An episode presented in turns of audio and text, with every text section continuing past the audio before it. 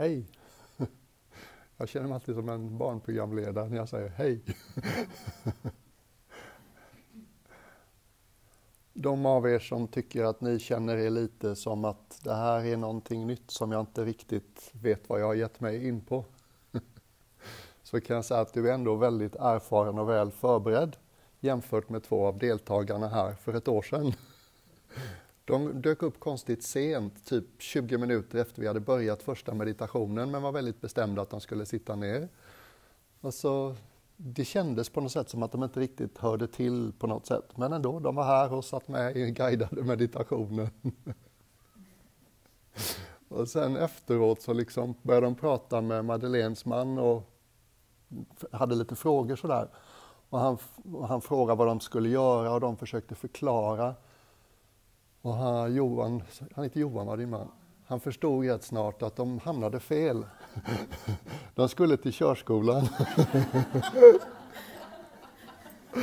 Och Johan försökte väldigt men bestämt förklara liksom att det är där inne ska ni nog vara för den dörren var låst eller något.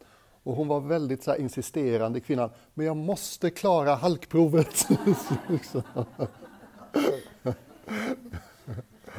Det var, var liksom, det var något så härligt med hela situationen. De satt där och lyssnade och gjorde allt de kunde. Liksom. Jag kan tänka mig hur det försiggick i deras inre liv. Liksom. Vad har det här med halkkörning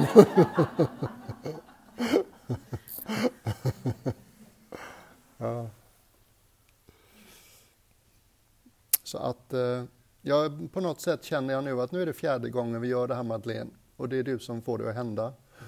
Och det är förtroendet och tilliten och respekten folk har för dig som är en stor del av anledningen till att vi samlas.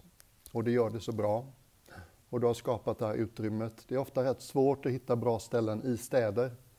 Men det är något sympatiskt med att göra de här grejerna i städer. Det behöver inte bli så dyrt liksom. Många kan bo hemma.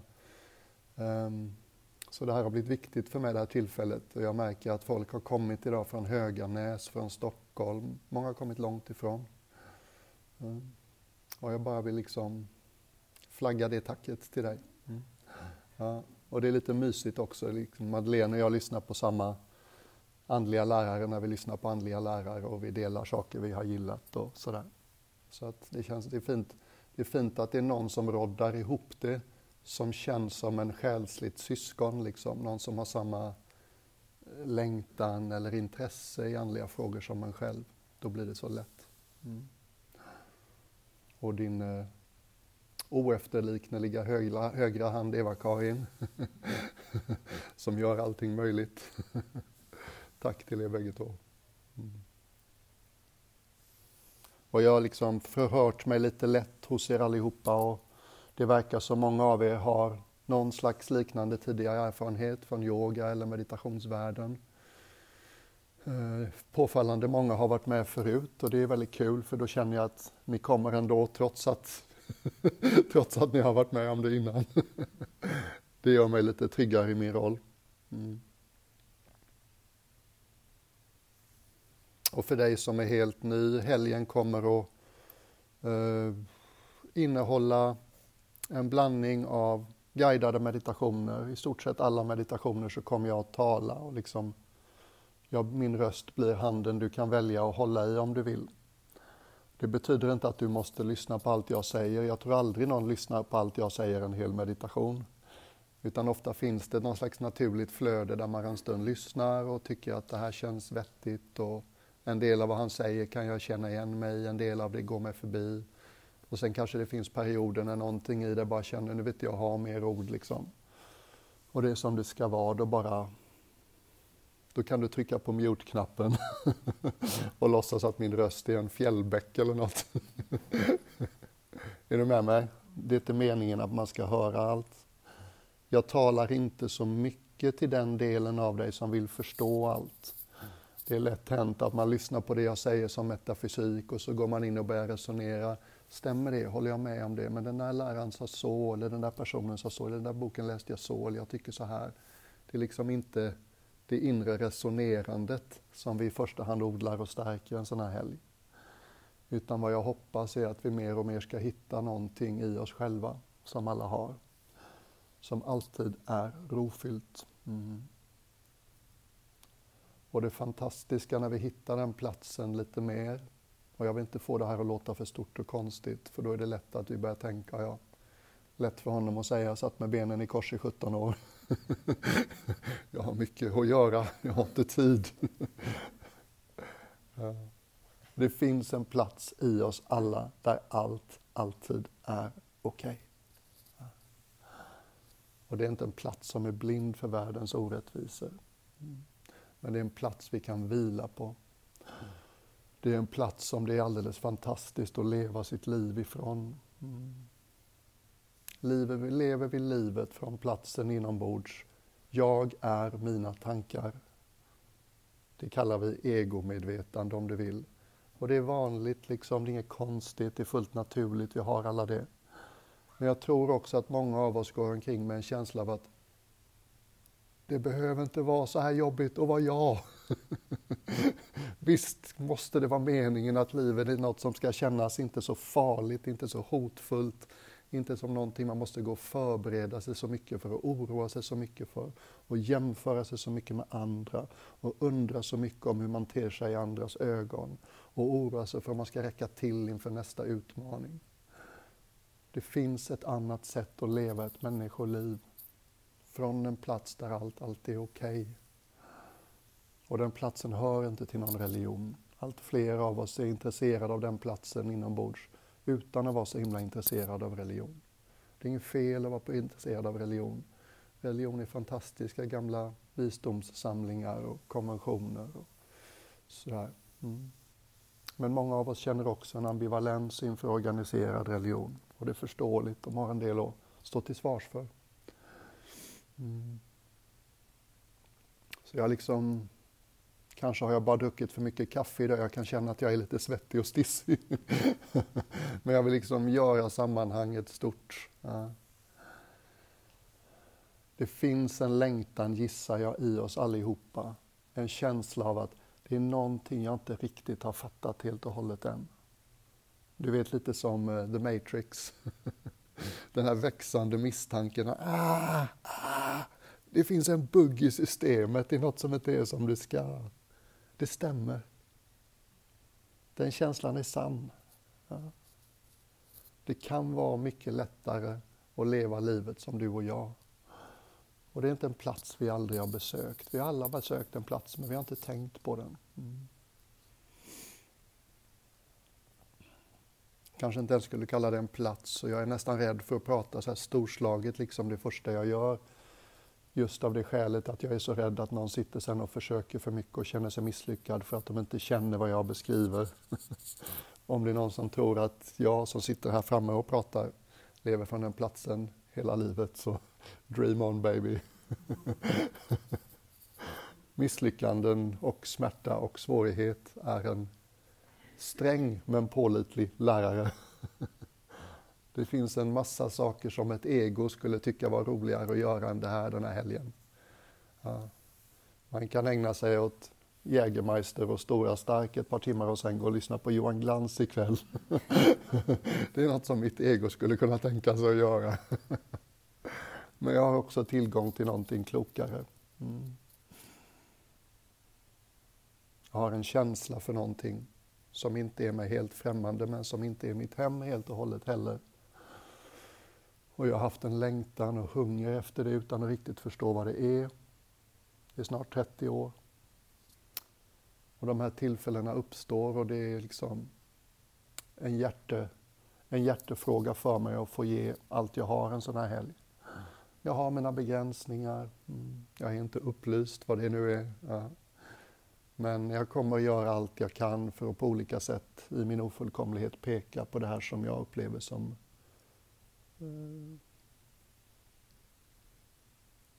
det verkliga målet för all mänsklig utveckling.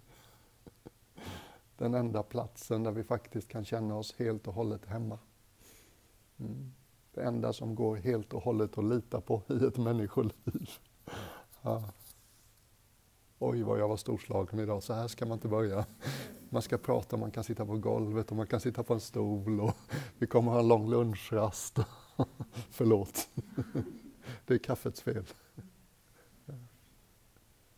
Så att um, på det praktiska planet. Jag säger alltid det här, jag tycker alltid att jag misslyckas. Men eh, det finns många stolar i rummet. Det är lätt att tro att bara för buddha-statyn där sitter med benen i kors och bara för att när Madeleine och hennes kollegor undervisar i yoga här så sitter man ofta med benen i kors när man mediterar och bara för att jag råkar sitta med benen i kors så är det så man ska göra. Och de av er som har varit med förut har hört mig säga det här tidigare men eh, jag har lärt mig det, man måste våga säga saker igen. Nästa Buddha, som vi inte vet om det är en kvinna eller en man eller en grupp, kommer att ha sitt uppvaknande i stol. kommer att undervisa från stol. Ingen position är uteslutande den bästa för att vakna upp till eh, djupare nivåer av vårt eget medvetande. Mm. Så att sitt inte här på golvet och var obekväm i helgen och lär er att tycka att meditation är någonting jobbigt som gör ont i knän och höfter. Mm. Utan kom ihåg det, stolarna finns där och blir de fulla så kan vi säkert hitta fler stolar någon annanstans. Madeleine nickar. Um, väljer du att sitta på golvet periodvis så ja, benen i kors är bra. Som ni ser, de här, vad kallar du de här röda korvarna Madeleine? Bolster, jag gillar nya ord. Uh, gillar man att sitta på bolster som här, kvinnan i blått mittemot mig, det kallas cowboyställning. Det är ett annat sätt att sitta som kan vara skönt. Och är det för nära marken så kan man lyfta upp som en kudde till. Mm. Och känn inte att ni liksom är fastlåsta här och nu måste jag sitta helt still hela tiden, utan behöver du flytta dig så gör det. Det är klart det är bra om vi gör det lite försiktigt och lågmält så att vi liksom inte möblerar om rummet.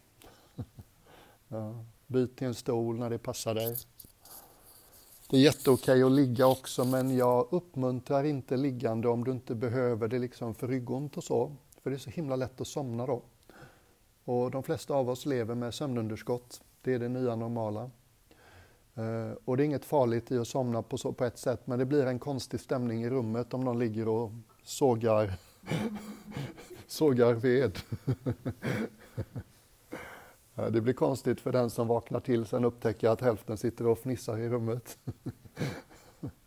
och det blir lite konstigt för oss annars, för vi ska sitta där och låtsas att någon inte snarkar högt. ja, så att det är jättefint att ligga när du tycker du behöver det. Men är det bara för att du är sömnig så kan det vara bra istället att sätta sig på en stol, för det är så himla lätt hänt att man somnar. Mm.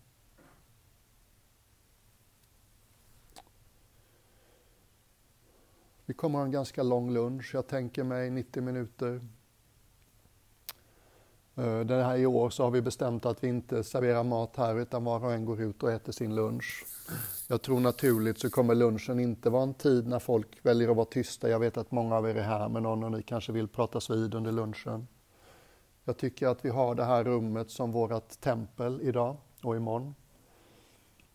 Så överenskommelsen är att här inne pratar vi inte. Mm. Så att många av oss är här för att det är gött att få ha en helg när jag inte behöver vara något för någon. när jag bara kan få vara med mitt. Mm.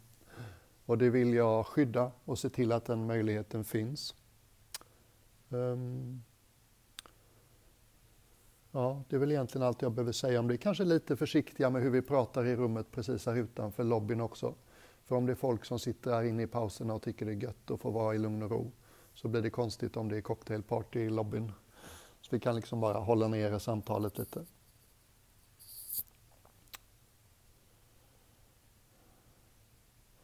Det kommer finnas pauser. Jag tänker mig att vi börjar med, liksom jag försöker att presentera vad jag tycker att helgen handlar om ungefär.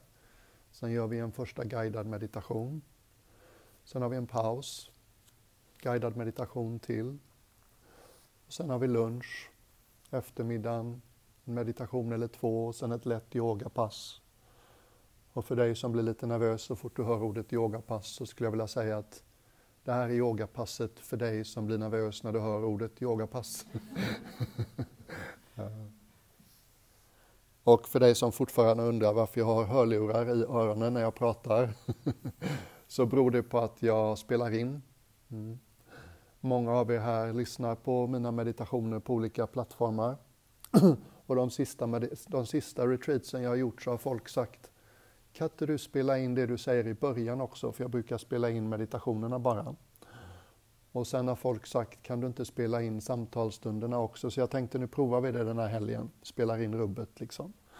Um.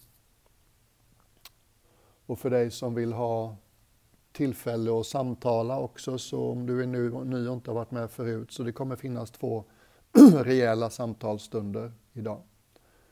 Jag har inte riktigt funderat ut hur jag ska lägga in dem än, men jag vill ha en före lunch, jag vill ha en innan soppan som vi äter vid sex, halv sex-tiden. Mm. Så det finns tid att fråga för dig som är lite ängslig över att det är en tyst helg och så. Så finns det en bra stund där, där vi pratas vid. Mm. En konstig grej som för dig som är ny kanske låter märkligt, det är att um, när en grupp samlas på det här viset, var och en är mer närvarande än vad vi brukar vara. Och vi är dessutom en samling människor som har bättre förmåga att vara närvarande genomsnittligt än eh, ja, genomsnittliga människan. Andra människors närvaro kommer att göra det lättare för dig att vara närvarande. När du blir mer närvarande så kan det kännas behagligt, det kan också kännas jobbigt.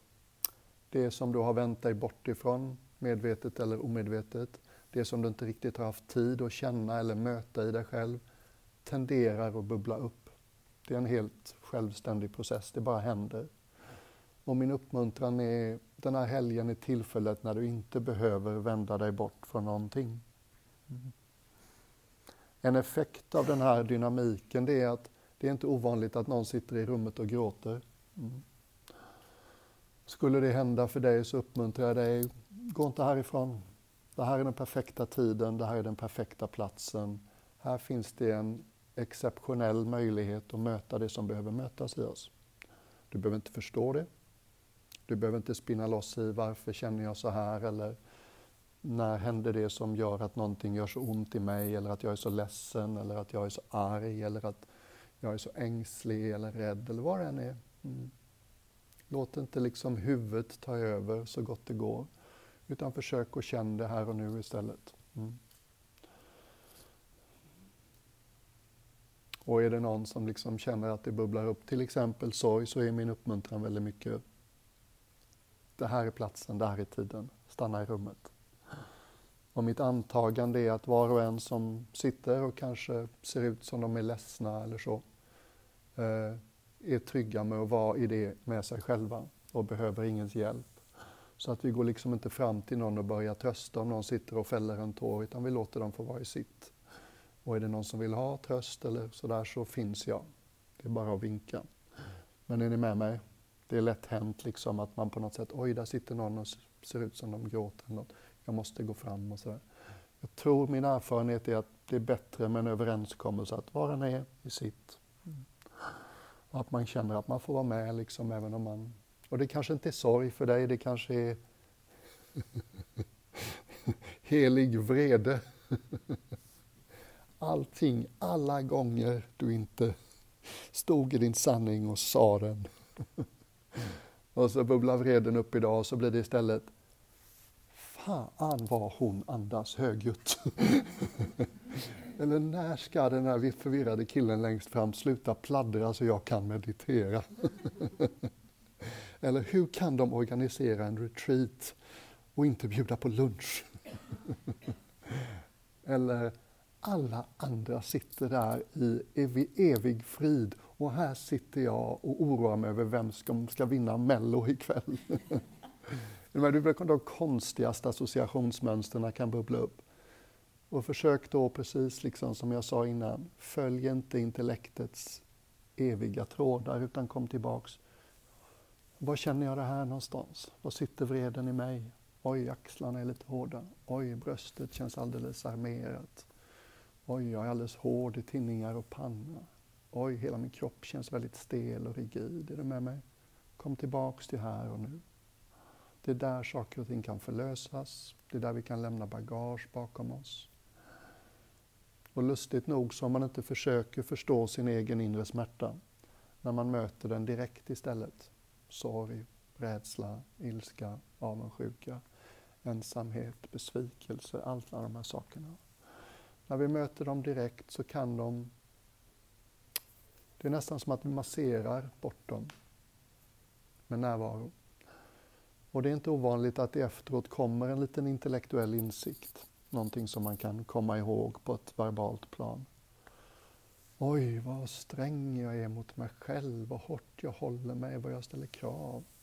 Eller Oj, vad mycket det finns som inte blev som jag ville, jag bär på en besvikelse. Eller oj, vad svårt jag har haft att förlåta den eller den. Det sitter som på tvären i mig och jag har gjort det i tiotals år.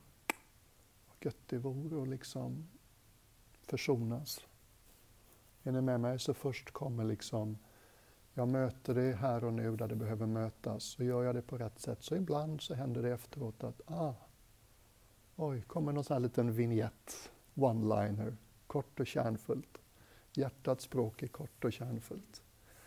Ja, just det, jag är så sträng mot mig själv så ofta. Eller, ja, just det, jag är så sträng mot dem jag har svårt att förlåta. Eller här går jag omkring och tycker att alla, inklusive jag, borde vara annorlunda. Mm. Eller här går jag omkring och säger till mig själv att jag inte räcker till. Mm.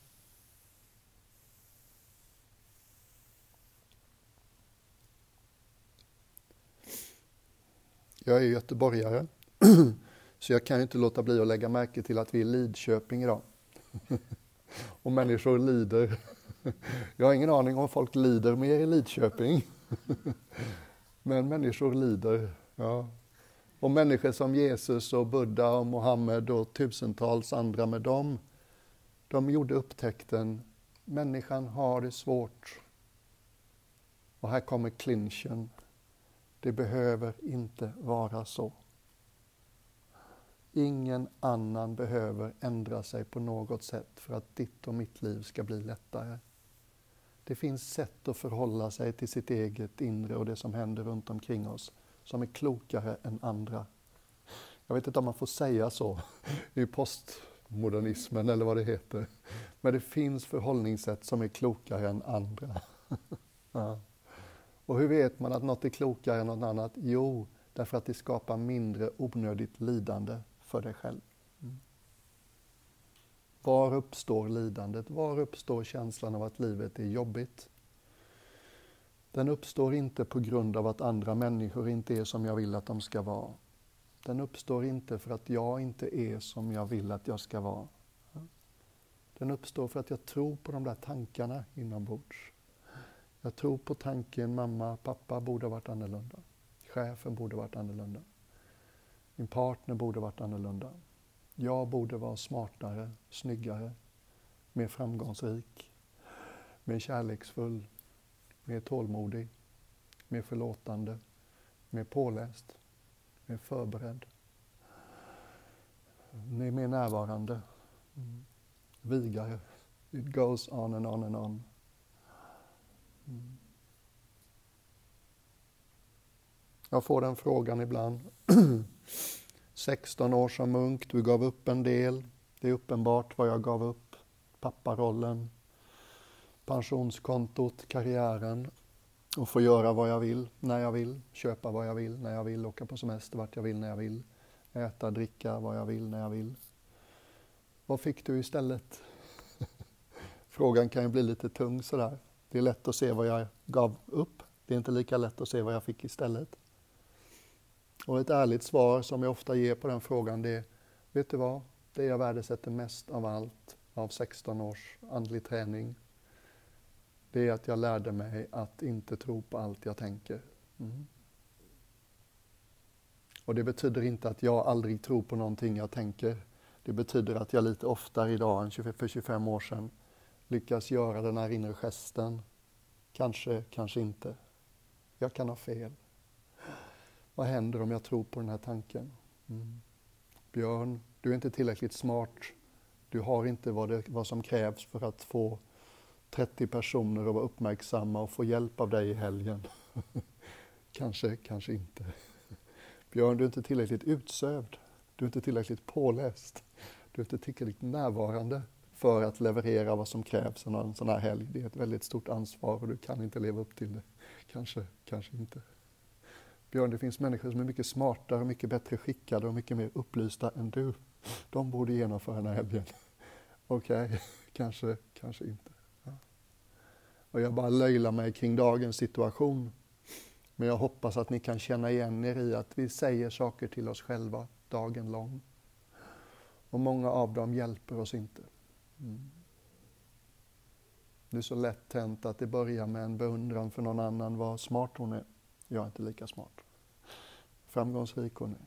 Jag är inte lika framgångsrik. Vad vacker han är. Jag är inte lika framgångsrik. Något konstigt där, egonivåns eh, hypnotism. Tendensen att inte kunna se något vackert och upplyftande i någon annan utan ta det där andra steget. Jag är inte lika mycket så. Mm. Och jag tror de flesta människor i en ärlig stund skulle säga att det mesta av vad jag säger till mig själv om mig själv är kritiskt. Kanske är du en av de fåtalet som går omkring och säger konstruktiva, uppskattande saker om dig själv till dig själv. Mer än motsatsen. Halleluja, underbart. Men för de flesta av oss är det inte så. Och det finns goda skäl till det. Mm. Så väldigt mycket av den här helgen kommer vara sådär intellektet spinner loss och talar till sig själv. Vad ska jag göra ikväll? Vet han egentligen vad han pratar om där framme? Jag är nog mer muslim, jag är nog inte egentligen så buddhistisk som han låter, eller jag är mer kristen eller whatever liksom. Jag är hungrig, jag tror inte det här funkar. Ja, han kanske kan, men jag kan nog inte. Borde jag inte ha gått på Johan Glans ikväll istället för det här? Eh. Och så släpper vi.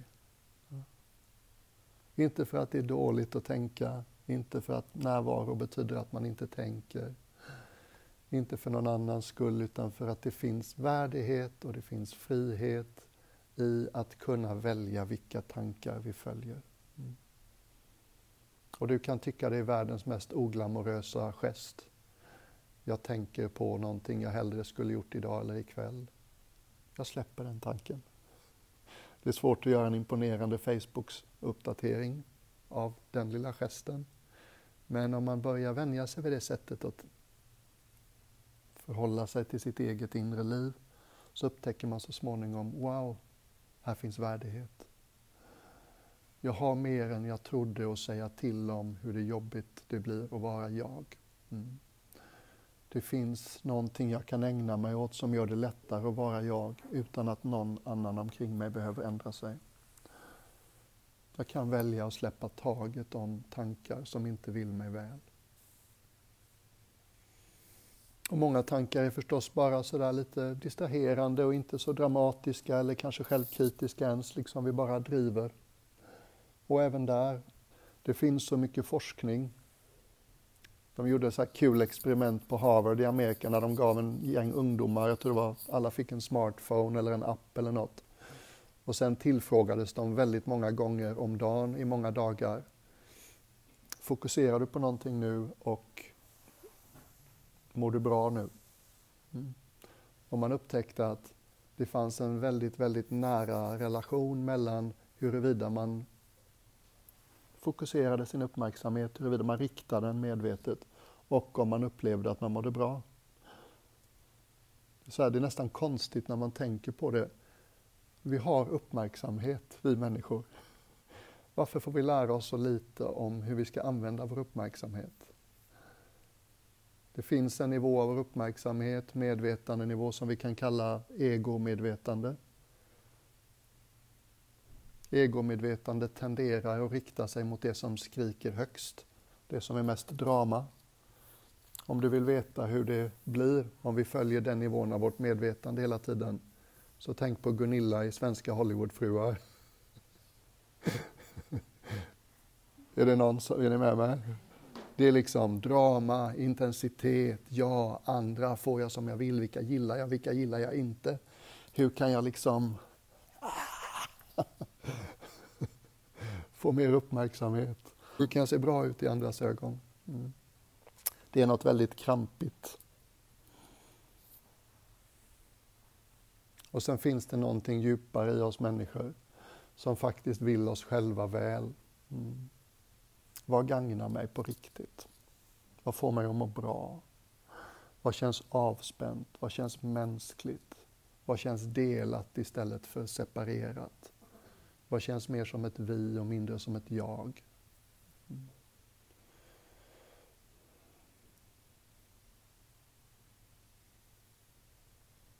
Det är lite som att gå ifrån nivån jag är mina tankar till jag har tankar.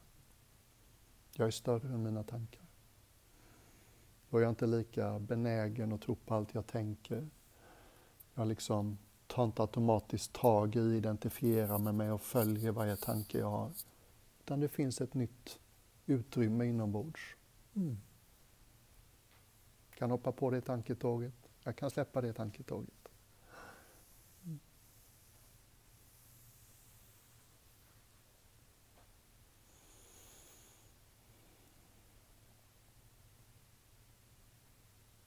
Det känns som jag är för mycket, jag är för mycket. Jag har någon sån här livslång känsla av att jag är för mycket. När jag var munk så var de flesta introverta. Jag är i huvudsak extrovert, även om jag är mer komplex än så som alla människor. Och ibland, och ibland var det munkar som sa till mig, de introverta, du är för mycket. Kan du tona ner liksom? Finns det en volymkontroll? Så ursäkta mig om jag är för mycket, det är kaffets fel. Ja. Och jag förstår att det är väldigt mycket att ta in och kanske är det ett lite konstigt sätt att inleda en sån här helg. Men vad jag egentligen försöker liksom peka på så är det varför det är värdefullt att göra en sån här helg. Vi gör det på ett plan för vår egen skull. För att vi har en känsla av att det finns ett sätt att röra mig genom mitt eget liv där jag känner mig lite lättare. Där det inte känns så jobbigt. Mm. Och om någon tycker att det låter själviskt så skulle jag vilja säga, nej, det är det faktiskt inte. När du blir lite lättare om hjärtat och reser genom ditt liv med lite mindre bagage, lite mindre benägen att tro på allt du tänker, så upptäcker du, oj då, jag är mer plats för andra nu. Mm. Och jag har svårt att tänka mig någonting som den här världen behöver mer just nu än folk som har lite plats för andra inombords. ja. Och de hänger förstås ihop. Och det är en bra ton att ta med sig in i helgen. Mm. Här kommer en möjlighet, den är ganska ovanlig. Du behöver inte vara något för någon den här helgen. Du behöver inte imponera på någon. Du behöver liksom inte manifestera och säga saker som ska ge intrycket av att jag är smart eller vet vad jag håller på med eller jag är framgångsrik. Här får vi alla bara vara. Mm. Kanske inte riktigt jag om jag ska vara helt ärlig, jag måste trots allt bidra med någonting som gör det lättare för oss att bara vara. Mm. Det gör jag gärna. Och i det sammanhanget så liksom vill jag också påminna om att det är inte så att alla måste vara med varje meditation. Det kan finnas passager när du känner nu behöver jag ta en promenad. Då gör du det. Jag vill att alla kommer liksom i tid. Det är konstigt om folk släntar in sent. Så kommer du alldeles för sent så kanske det är bättre att hoppa över just den meditationen. Men känn liksom inte att det här är någonting, åh nu måste jag. Utan behöver du göra något annat i ett pass så gör det. Mm.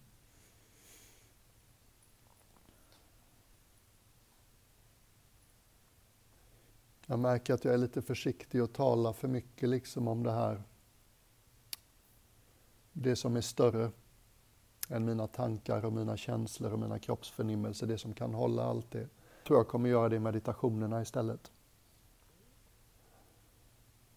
En del av er har kanske någon slags andlig hemvist där ni hör till en viss tradition eller religion, vad vet jag. Och jag kommer inte bara att tala om min buddhistiska erfarenhet utan ni kommer märka, de som är nya, att jag, mina referenser är ganska breda. Eh, jag hoppas alla förstår att jag sitter inte här som representant för buddhism, även om jag har lärt mig vad jag har lärt mig genom buddhism i huvudsak. Mm. Så att jag upplever inte en sån här helg som någonting religiöst så mycket kanske, men absolut andligt. Mm. Eller om det ordet är konstigt för dig, spirituellt säger en del. Mm. Madeleine och jag följer en lärare som heter Adyashanti, en amerikan i min ålder. Och igår gick jag på promenad runt mitt hem eller i området i Åsa på norra Halland och lyssnade på en retreat han eh, gav i höstas i Amerika. Och då använde han sig ganska mycket av evangelium enligt Thomas. Det är en av de här liksom evangelierna som inte finns i Bibeln. Thomas tvivlaren, ni vet. Ja, jag kan ha en extra förkärlek för någon som heter Thomas tvivlaren. jag har haft en del tvivel i mitt liv. Och i hans version av vad Jesus sa så låter det ganska annorlunda. Och en sån där liten, eh, ja, en liten, eh, någonting som Jesus sa enligt Thomas evangelium, enligt hans version av Jesus. Så ska, Thomas, ska Jesus ha sagt att jag vill, jag vill visa er det som ingen hand någonsin tagit i, som inget öga någonsin sett, som ingen kropp någonsin förnummit och som ingen tanke någonsin tänkt. Mm.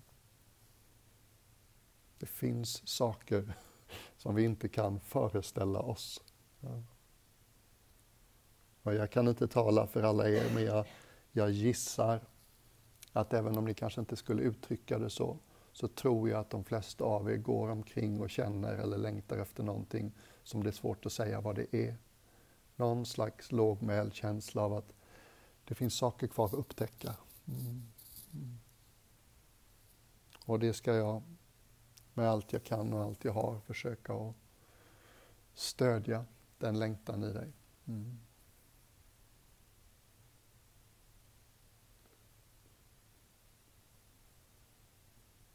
Jag brukar vara så mycket mer berättande, hålla på med en massa munkhistorier från Thailand och så. Men det var inte en sån dag idag.